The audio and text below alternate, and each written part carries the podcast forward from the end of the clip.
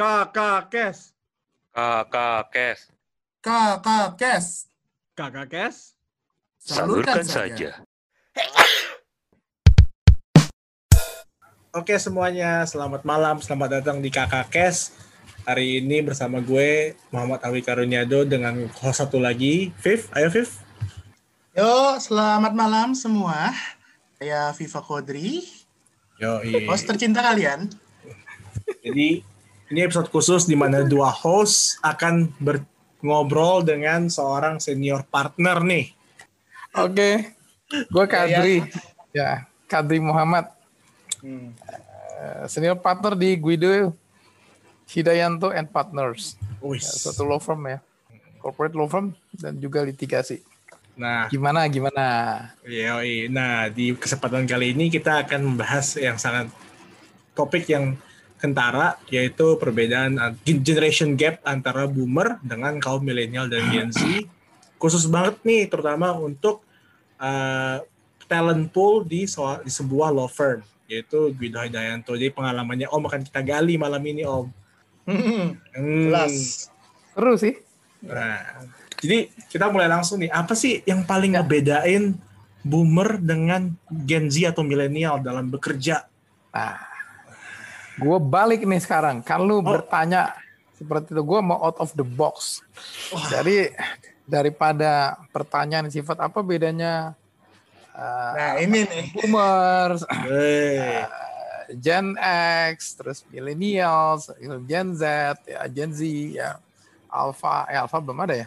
Hmm. Gue lebih tertarik sekarang berdasarkan pengalaman yang ada, yang gue nggak tahu pada saat gue menjalankan lawyering udah almost 30 years, 30 years sekarang ini. Gue kadang-kadang ya denger ada perbedaan gap dan segala macam ya. Akhirnya gue baca. Dan akhirnya gue mengambil kesimpulan, gue pengen in diskusinya lebih berdasarkan pengalaman gue dan akhirnya gue melihat ada beberapa hal yang nggak ketemu nih antara perbedaan generasi ini. gue mau mengambil kesimpulan bahwa sekarang akhir gue merangkul para millennials atau apa Gen Z ini menjadi mitra gue, menjadi partner instead of gue aja employee mereka. Sehingga akhirnya melawan do melawan suatu teori tentang bahwa orang kan suka tuh pemanis-manis karyawan itu adalah aset perusahaan. Iya. Jadi jadi mulai dari situ tuh itu kayaknya sloganisme banget tuh bahwa kita mesti treat karyawan tuh berbeda ya Hmm. segala macam. Gue tapi tetap aja itu aset. Eh, sorry itu tetap aja aset. Aset itu barang. Karyawan kita pikir udah diangkat nih derajatnya nih dari undang-undangnya aja perburuhan dari buruh menjadi aset. Ya sama aja sama benda. Sama bener. inventory, Iya. sama stock inventory Sorry. yang yang disposable. Ya, pada saat Iya. pada saat terjadi disposable itu perbedaan itu terjadi nggak nggak nggak equal. Karena lo bisa gue ganti anytime ya. Benar. no one irre- apa uh, yang nggak bisa diganti. Irreplaceable. No one uh, is apa namanya uh, irreplaceable gitu. Konsep itu. Gue sekarang lebih kepada gue ajak eh lu gue jadiin sebenarnya secara firm secara firma orang di di kantor kita itu gue pengen merubah mindset sih. Kita gue mulai dari kelompok ya kecil. Bahwa gue mau treat associate gue tuh sebagai mitra. Hmm. padahal dia belum pangkatnya belum partner. Mitra sama partner kan sama. Tapi dia aset. Seba, sorry. So- tapi dia employee. Hmm. sorry gue lu gua lupain gue nggak pakai istilah aset. Gue nggak mau pakai istilah aset. Tapi karyawan employee itu adalah mitra artinya dia gue anggap nggak meskipun dia uh, disposable atau sebenarnya dia replaceable tapi gue selalu harus komunikasikan lu irreplaceable. Ya. Ya, sehingga gue jadi sehingga mereka muncul nih uh, naik nih derajatnya. Ya, sehingga keluar semua potensinya. Uh, dok Nah, baru gue sekarang gue ajak nih sekarang orang-orang yang di bawah gue tuh gue anggap begitu. Jadi gue barang bahkan berhitung. Karena kebetulan ah, di kantor gue ini sekarang ini ini bener-bener dia beda banget. Jadi kita yang namanya equity partner itu mesti ngukur budget sendiri dan kemudian mesti mengukur target sendiri dan harus bagaimana caranya mencapai target tapi ada satu konsep ya di dalam law firm ini kebetulan founding partnersnya itu millennials Hmm. perbatasan Gen X sampai millennials umur-umur 35 nggak nyampe 40 gitu. Jadi masih dalam kategori millennials. Nah, baru kita bicara nih sekarang. Boomer yang sifatnya paternalistik, yang sifatnya feodal, nggak yang sifatnya disiplin, yang sifatnya kalau kerja tuh lebih menghargai vision. Lu mau ngapain? Ya, menghargai vision, menghargai proses. Ya. Beda sekarang sama millennials atau Gen Z yang lebih instan, yang lebih pokoknya ada resultnya. Ini resultnya. Kalau boomer Hmm. masih ngelihat, lu resultnya dari mana? Nyontek ya? Iya, nyontek dari Google. Nggak bisa gitu, lu harus ikutin prosedurnya. Gini caranya research. Satu, baca undang-undang, masuk ke hukum online, masuk ke apa PDHI, masuk semua aplikasi-aplikasi yang menyiapkan undang-undang, melakukan library research. Kedua, cek ke departemen. Ketiga, eh, cek ke pelaku usaha. Keempat, cek ke pengadilan. Pernah nggak ada kasus itu dihukum orang? Itu proses prosedur yang yang gua berusaha gali as a boomer.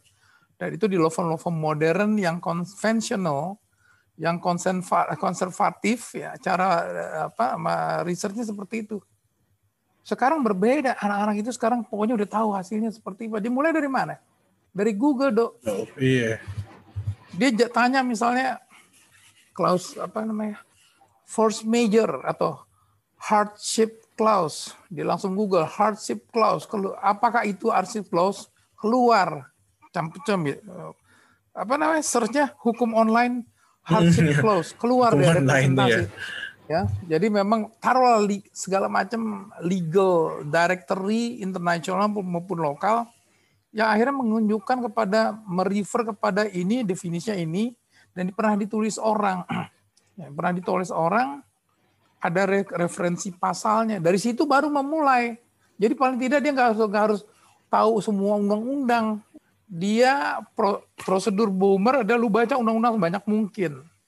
Ya itu yang gue lakukan juga sama asosiat gue yuk kita tiap hari baca undang-undang. Itu gue lakukan bukan gue lakukan. Tapi gue dealing sama anak-anak anak-anak millennials nih yang pengennya instan. Dia nggak mau baca undang-undang tapi pengen tahu langsung cepet. Caranya Hmm, adalah Google. iya. nah, gue gue combine ini gue combine. Jadi Result. result. Ya, mereka pengennya result udah nggak tahu. Kita mau tanya prosesnya gimana ya begitu proses salah kadang you know, yang lebih parah lagi boomer. Kalau dia nggak puas atau nggak sesuai prosedurnya dia jawabannya dibikinin. Jadi dia turun tangan untuk ngatur ini harus begini ini harus begini ini harus begini ini harus begini. Padahal memang sebenarnya harus ya namanya supervisor tuh harus ngasih tahu guidance. Tapi lu lu ngomong di depan yang gue sekarang lakukan tuh adalah gue ketemu sama sama asosiat gue itu gue ngomong di depan ini begini ya. Gue udah nggak gue udah nggak drafting lagi dok. Hmm. tenaga drafternya itu dijago-jago. Asosiat-asosiat gue yang Inggris lebih bagus dan mereka udah pelajari boilerplate-nya sama segala macam. Tinggal yang mereka kurang itu adalah negosiasi komersial wisdom. Hmm. gue di situ. Jadi pada saat mau habis meeting klien gue langsung bilang sama klien gue eh sama anak eh, apa asosiat gue eh lu apa namanya eh, lihat nih ini eh, isunya apa? Gini gini gini. Gue kasih kesempatan dia untuk em, kemukakan pendapatnya. Menurut gue begini gue ngarahin. Ya, gue ngarahin gue dengar terjadi diskusi oke. Satu lu lakukan ini. Dua lu lakukan ini. Lu tiga gini. Draftnya ambil yang proses, proses apa eh, eh, presiden template yang waktu itu kita pakai buat klien X. Udah jadi jadi ya, resultnya bagus. Gue kagak tahu deh jumpalitan dok om tidur jam 10 ya, jam 10 om tidur biasa boomer capek. Tidur. Millennials bangunnya jam 11 mereka tuh flexi hours. Om jam 6 Iya. pagi jam 5 pagi udah bangun subuh. Ya kan olahraga ya. Terus kemudian jam 11 gue ajak asosiat gue ini apalagi sekarang work from home. Asosiat. Jadi gue agak diskusi sama dia. Dan kemudian Ya, kasih report. Kalau begitu, setelah itu gue kan nggak nge-drafting. Mereka drafting. Jam 5 dia ketemu lagi. Dia di school berarti belajar. Dan pada saat ternyata setelah gue ngomongin, sama dia ini harus harus bikin ABCD gitu ya. Dia komentar, yang saya gue nggak setuju. Oke, gimana menurut lu? Gini, gini, gini. Jadi setelah gue diskusi mengenai outline-nya, dia kerja sendiri dok. Gue nggak tahu dia, gue nilep dia nilep tem- template dari mana dok. Ya, dia ada dari apa namanya law insight apa legal insight ya. Ada aplikasi-aplikasi agreement, ada dia ambil pokoknya template dari klien-klien kita yang lama. Ya. Dia ambil juga dari macam-macam provider-provider agreement, template agreement yang lama. Dia udah dapat jadi. Gua akan bilang ini modelnya jangan sampai yang long form, ini yang mid form aja, jangan yang terlalu short form eh, agreementnya. Ya, jadi yang mid form lah, eh, mid form. Udah jadi gue tinggal kotak ketik sedikit, kasih first draft ke klien. Kemudian masuk, gue harus hadir. Gue mesti hadir karena apa? Millennials perlu role model. Dia observe, belajarnya itu dari observe, melihat bagaimana gue cipuain klien. Ya, bagaimana gue convince klien. Mereka, wih gila, emang benar-benar jago banget nih Bang Kadri. Om Kadri nih. Iya, Wisdomnya ada. Ada. Dan gue nggak pernah tuh yang namanya disuruh-suruh klien, bilang gitu. Apa no, um, um, Ka- Kadri, uh, we have um, uh, legal issues about this and that. Kata we want to plan, we we plan to do this and that, gitu begitu. Terus gue tanya deadline-nya kapan? Oh, deadline-nya udah yesterday. Terus kemudian itu berarti tuh klien nggak nggak nggak nggak sediain nggak nggak kerjain homeworknya. Dia enak-enak datang deadline. Istilahnya deadline yesterday itu adalah satu apa ungkapan bahwa deadline-nya ini urgent malah udah kemarin harusnya. Ya lu nggak prepare lu datang ke gue bawa sampah. Sama gue nggak bisa tuh yang tiba-tiba besok gue minta hasil. No no you wait. You wait. Gua bilang gitu. Dia bilang besok gue harus kirim kalian. No you wait. Gua bilang, karena lu baru datang sekarang. Tapi bukan Iya. berarti gue harus bukan berarti gue harus menyelesaikan nyerahin ke dia dua hari atau tiga hari dan kemudian gue nggak on time apa namanya lewatin schedule dia. Enggak gue bilang you wait. Gue besok jam 11 oke jam 10 gue udah kirim wah dia langsung surprise buat dia. Dipikir gue pikir si Kadri gue suruh tunggu. Kan gue apa customer klien itu adalah raja. Enggak gue bisa kontrol klien gue gue nggak ada klien tuh yang suruh-suruh tiba-tiba gue mau klien tuh yang gue mesti sampai harus gue weekend weekend tuh gue nggak gua apa namanya gue mesti sampai ke- kerja 24 jam sampai weekend segala gue yang ngatur. Tapi kalau emang ini itu urgent kita tahu bahwa kita tahu sendiri schedule-nya bahwa pihak sebelah sana minta hari Senin ya kita mesti gue gua terapkan kepada em, associate gue untuk mereka dewasa. Hmm. this is your baby. This is your baby. Lo mesti lu mesti eh, apa namanya lindungi lu mesti protect ini kerjaan ya. Seolah-olah dia adalah your baby gitu. Jadi dia dipancing. Dia tuh nggak aset. Dia tuh bukan karyawan. Nah ini Iya, yang yang kan. yang terjadi nih. Ya? Yang tadi Om bilang kan yang sejajar kan, partner tapi sebenarnya bukan partner secara ini, secara tertulis, Betul. tapi beroperasi seperti partner. tapi beroperasi seperti partner itu jawaban daripada gen- generation gap. Kalau gua dan kemudian gue bebasin mereka kerja. Mereka yang jelas gue sih sebenarnya di firm yang, yang lama sebelum gue pindah ke GHP itu kita udah mulai tuh memperlakukan yang namanya yang namanya flexi hours. Karena orang suruh datang jam 9 kayak gitu. Sementara kerjanya mereka jadi mereka hitung-hitungan. Mhm. kerja jam 9 tapi kan gue pulangnya jam 2 pagi. Ya walaupun mungkin jam 11 sampai jam 2 pagi hehehe ya Eh, karena udah kebiasaan jadi culture kerjanya malam gitu ya. Sehingga mereka mau dimarahin nggak denger. Ya, mereka nggak mau meskipun dimarahin mereka nggak denger apa namanya nggak mau denger bahwa harus datang jam 9 pagi. Kalau gue janji jam 9 pagi gue pengen klien gue apa asosiat gue jam 9 pagi juga on time. Tapi Hmm. kalau enggak gue nggak harus nggak harus. Ya. nah asosiat millennials ini seneng yang namanya flexi hours flexi time ya. Dia dikasih kesempatan untuk ngerjain cari sendiri bahannya. Deadline dia harus dianggap harus dikomunikasikan ada deadline. Satu lagi ada flexi place. Flexi place Nah, ya. Flexi place.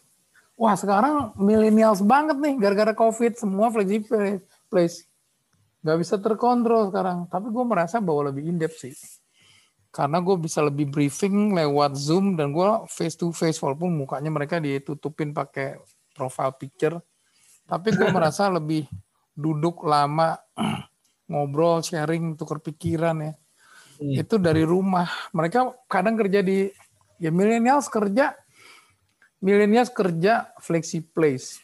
Prefer di mana aja dia bisa nangkrang lawyer boomer konvensional yang namanya so called as a modern firm ya, ya from from besar Amerika.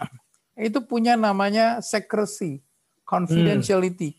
Sekarang mereka dalam prosedurnya nggak nggak memungkinkan asosiatnya kerja di Starbucks. Gimana kalau nanti orang lihat ya. Iya, Nah, iya. sebenarnya siapa siapa juga yang mau ngelihat lagi kerja di Starbucks sedemikian hiruk pikuk ribut terus "Eh, itu kerjaan siapa sih? Eh, lu ngerjain klien X ya? Ya nggak ada juga. Iya, benar. Padahal yang sekarang terjadi apa? Gue Zoom meeting di rumah, kadang-kadang nggak di tempat kerja, di tempat tidur. Mau nggak mau di samping gue ada bini gue. Iya dia nggak dengar gue pakai ini sih. Tapi kadang-kadang earphone. bisa aja didengar. Gue pakai pakai headset. Gitu. Hmm. Tapi sebenarnya kita mesti menjaga di satu sisi bahwa ini transaksi confidential, even kita nggak boleh sharing kepada keluarga kita gitu ya. Hmm. Tapi sebenarnya juga kalau menurut gue lu pinter-pinter sendiri, nggak berarti lu harus masuk ke kantor. Ya, tetapi kalau kantor sampai nggak ada orangnya juga bukan kantor namanya bro. Ya, benar. kantor gue tuh baru kantor gue tuh baru sewa lagi satu tempat itu di World Trade Center. Jadi kita ada dua tambah lagi sekitar berapa ratus meter itu. Jadi lebih besar dalam hati gue. Aduh, gue ngomong sama si founder ngapain sih lu sewa lagi nggak bisa ngabisin duit aja. Udah kerja dari rumah, satu lagi buat meeting. Ya. Tapi emang udah keburu ini, udah keburu di setting sebelum COVID kan. Hmm. Jadi gue berusaha untuk ngelihat bahwa tadi kan gue udah bilang bahwa boomer yang ngelihat bahwa dia pengen vision, dia pengen lihat visi orang, dia mau lihat visi pekerjaan. Pada saat di interview dia mau lihat visi. Sehingga lo millennials Gen Z pada saat interview sama boomer, lu harus bisa membahasakan itu.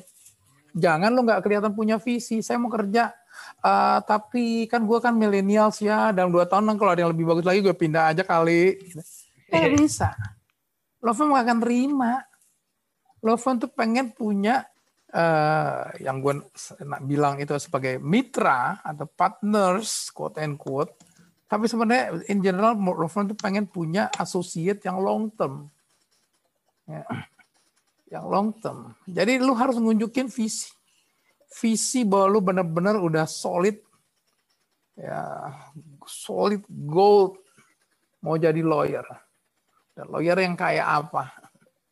Gua mau jadi lawyer yang menguasai investment. Ya. Karena menurut gue Indonesia itu kekurangan investasi, perlu investasi, kekurangan uang dan teknologi, selalu akan butuh. Yang ada di Indonesia itu adalah menyediakan tiga hal. Satu, sumber daya alam, sumber daya manusia, ya, Ya. sama satu lagi market.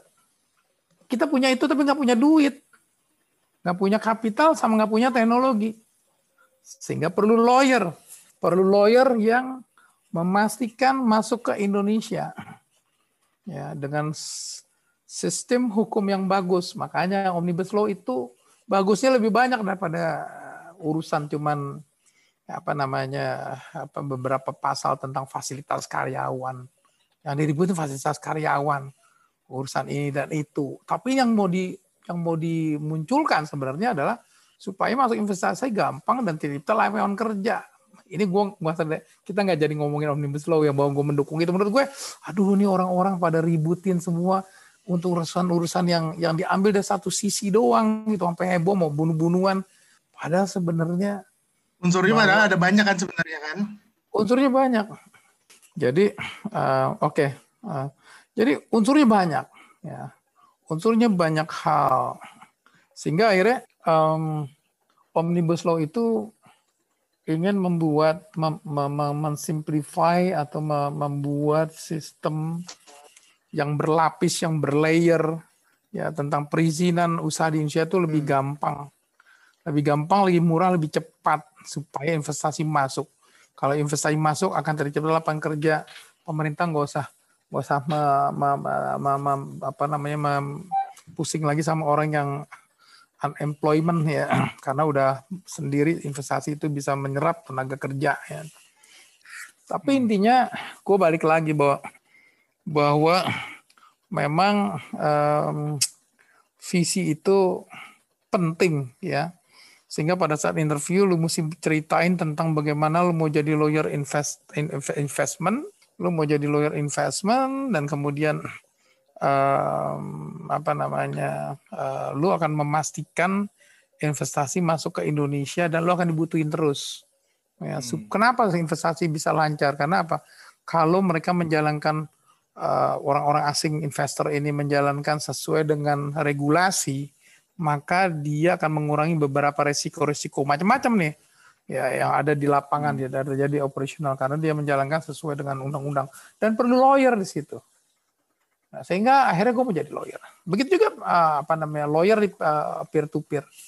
Lo juga bisa ngomong cerita bahwa ini convert sudah kepada digital, um, convert kepada digital sehingga trennya nanti financing itu udah masuk kepada fintech financial technology yang sebenarnya lebih resiko tuh di switch dari resiko resiko legal kepada resiko di cover dengan cover up by teknologi teknologi hmm. makin canggih ya resikonya um, semakin berkurang ya, ya ada hitungan-hitungan seperti itu nah gue mau jadi yang kayak begitu itu visi jadi kembali lagi bahwa boomer ngelihatnya itu lu harus punya visi. Boomer ngelihatnya bahwa uh, makanya dalam interview lu harus menunjukkan visi lu. Lu nggak bisa menunjukkan millennials lu yang kelihatan bahwa tiba-tiba lu di interview, kamu rencananya apa di sini? Oh saya cepat lihat coba aja, saya akan saya pekerja keras, saya bisa capai target, saya bisa bla bla bla kata apa. Tapi kamu dia kira-kira ah, ya tapi saya lihat dulu apa namanya, saya ada usaha keluarga sih lima tahun mungkin saya akan keluar atau saya bikin kantor sendiri. Nggak doyan. Boomer itu nggak doyan denger uh, asosiat calon asosiat itu mau bikin kantor sendiri. Buat apa gue hire lo? Karena kan ini ini kan apa namanya ini apa namanya uh, long term ya, long term engagement.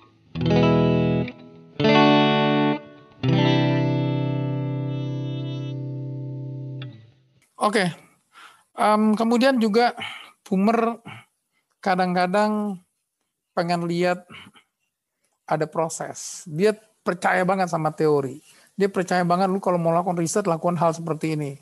Sementara millennials instan dan result oriented. yang penting ada result. Dia nyontek dari mana kita nggak tahu. Kadang-kadang bahasa Inggrisnya di Google Translate dulu, gitu. sehingga kelihatan ini bahasanya aneh. Ya, ya millennials itu akan mencari hal yang begitu milenials nggak nggak suka dia apa namanya uh, dia nggak suka diatur-atur terlalu atur ya. milenials nggak bisa sampai tiba-tiba milenials nggak bisa ngerjain sesuatu kemudian boomer datang ya udah begini caranya bahkan dibuatin ya saking terlalu hands onnya nggak berkembang itu orang dan dia hari nggak happy juga nah boomer seneng itu bikin hands on Ya, dia menunjukin bahwa gue hands on, padahal dia nggak membuat nggak nggak membuat orang itu kreatif. Ya. ya boomer itu seneng recokin apa namanya uh, detail pekerjaannya. Tapi gue rubah ya. Gue rubah melihat bahwa ada beberapa kritik terhadap bagaimana boomer ya melihat bahwa karyawan itu adalah dia berusaha untuk pakai jargon karyawan adalah aset. Gue rubah itu semua. Padahal bullshit lah apa karyawan itu aset bisa di replaceable begitu ada terjadi gejolak sedikit potong gaji potong aja gajinya ya, kan? iya benar itu, benar padahal itu kan itu katanya aset gitu ya iya. Dan kemudian sekarang kita lihat millennials ini millennials ini instan uh, flexi time flexi hours flexi place kadang-kadang dia nggak dia tujuannya bukan jadi partner suatu law firm, do 30 persen, 40 persen. Karena sebenarnya nanti gue capek. Yang perempuan itu akan jadi NGO, ya nanti gue di government deh. Yang laki-laki ke in-house. Ya dia ke perusahaan yeah. fintech yang lagi lagi in ya. Ya, dia udah nggak, dia mulai ngelawan yang namanya beban hours. Nah, semua kekurangan-kekurangan ini dok, gua rubah. Mm-hmm. Gua deketin, jadi gua coba koreksi self correction terhadap terhadap apa apa namanya catatan yang kayaknya boomer nggak bisa gitu ya, yang nggak nggak bisa lakukan lagi, Ya. udah nggak up to date ya. Heeh. Gue coba bikin bahwa gue libatin sekarang asosiat gue mikir, gue ajak ngomong budget buat tahun depan bagaimana? Ya, Lu mau berbudget seperti berapa? partner kan. Iya berfri- Iya, ber- ber- beroperasi seperti partner. Kemudian lu menguasai ini, sih. ya. Lu pegang capital market, lu pegang litigation, lu ambil apa namanya uh, akpi. Ini kita dalam satu keluarga nih, keluarga GHP Gui- Guido Hidayan Pan Partners ya. Itu ada beberapa partners dia mengelola sendiri hmm, apa namanya istilahnya kelompok-kelompoknya. Yang penting for the benefit of the kantor. Ya kantor itu udah mengurangi biaya. Jadi kantor udah biaya sinkronisasi itu lebih kepada akhirnya lu semua harus kerja. Nah, kita ada partners, partners apa namanya uh, grup ya. Kita sharing tentang quality control. Kita sharing tentang template agreement ya. Tapi selebihnya itu belajar sendiri orang-orang. ya. Uh, bedanya sama boomer, boomer tuh punya sekretari. Di tempat gua nggak ada sekretari men. Oh. Boomer tuh boomer itu lebih banyak waktunya untuk keluarga, diurusin sekretaris, diurusin anak buah, main golf. Lo lihat millennials, kerja sampai malam mereka. Tapi bisa kerja sama malam kalau kerja buat orang, mereka juga nggak happy. Sebentar dicabut. Makanya gue mesti ajak, kita kerja buat kita sendiri nih. Buat lu at the end of the day, buat firm. Tapi buat lu, buat gue. Jadi dihitung, ini target kita ke depan, tahun depan ngapain. Lu megang apa, lu megang apa, kita lakukan marketing apa. Ya, sampai marketingnya, kalau lu bisa lakukan LinkedIn. Ya, gue lu bisa lakukan sosial media. Lu cara cara pendekatan bowling in dan sosial media lo kalau lu lu establish dengan profesional lu tetap dapat trust kok daripada lu modelnya secara seminar apa ya itu oke lah itu jadi jalanin juga banyak sekarang yang yang yang udah yang bisa kita combine gitu dari LinkedIn kita ketemu sama orang-orang penting kok apa calon-calon potensial klien seribu calls apa seribu engage apa seribu kontak ya, atau X amount dari satu kontak atau calls atau emails atau LinkedIn itu akan menghasilkan X amount dari potensi. Ya, akan Oke. ada potensi. Dari potensi ada X amount lagi X persen, sorry, X persen lagi dari potensi akan menjadi klien. Dari X persen dari klien akan menjadi dolar atau duit. Ya. Jadi kira-kira dari dari 1000 koneksi 100 jadi dolar gitu 10 persennya Iya, gitu, dari seribu koneksi ya gini, dari seribu lu umbar koneksi, lu dapat 125 potensi. Kemudian yang benar jadi klien 25 lumayan men 25. Iya, iya benar benar benar. Iya. Itu yang dilakukan sekarang. Semua lu lu lu, lu kerja, lu tempel. Gampang, lu bikin suatu orang aja gue sekarang kadang di LinkedIn suka sebel di dikirim-kirimin CV. Ya. Lu bisa nanya, eh gue sekarang ada di GHP, gue kerja bareng Kadri nih. Ya, bareng Kadri legend. Ya. Kalau dia nggak kenal gue berarti dia kurang kurang gaul. ya, habis itu Harus gaul Ki- banget ya artinya, bertahu lu ya. Iya, harus baru gaul banget. Kalau nggak nggak nggak gaul. Anjay. Give give apa uh, apa namanya give me apa give us ya. Your apa namanya your 15 minutes ya. To represent ourselves ya. To, to introduce ourselves ya. Dalam e-meeting ya. Dalam zoom ya. Kapan kita range nya gue mau kejelasin tentang ini. Itu gampang banget dari 100 call lo bisa dapat potensi li- 57 dari 57 lo dapat 10 klien engagement. Ya lumayan. Kan gampang itu kan cara milenial tapi jalur resminya jalur yang konvensional webinar webinar segala macam. Jadi kesimpulannya gini gue daripada membandingkan ya antara boomer ya sama um, um, millennials atau Gen Z ya tapi gue lebih ambil kesimpulan gue shortcut udah deh gue ajak kerja sama gue combine mau gue dan mau lo Jadi gue nggak ada teori yang namanya, wah lu masih boomer atau lu kok jadi boomer yang jadi sok milenial? Enggak, gue combine. Gue juga pengen seorang asosiat yang kerja bareng gue itu juga punya visi, juga lakukan prosedur research yang baik, dicampur dengan insannya dia.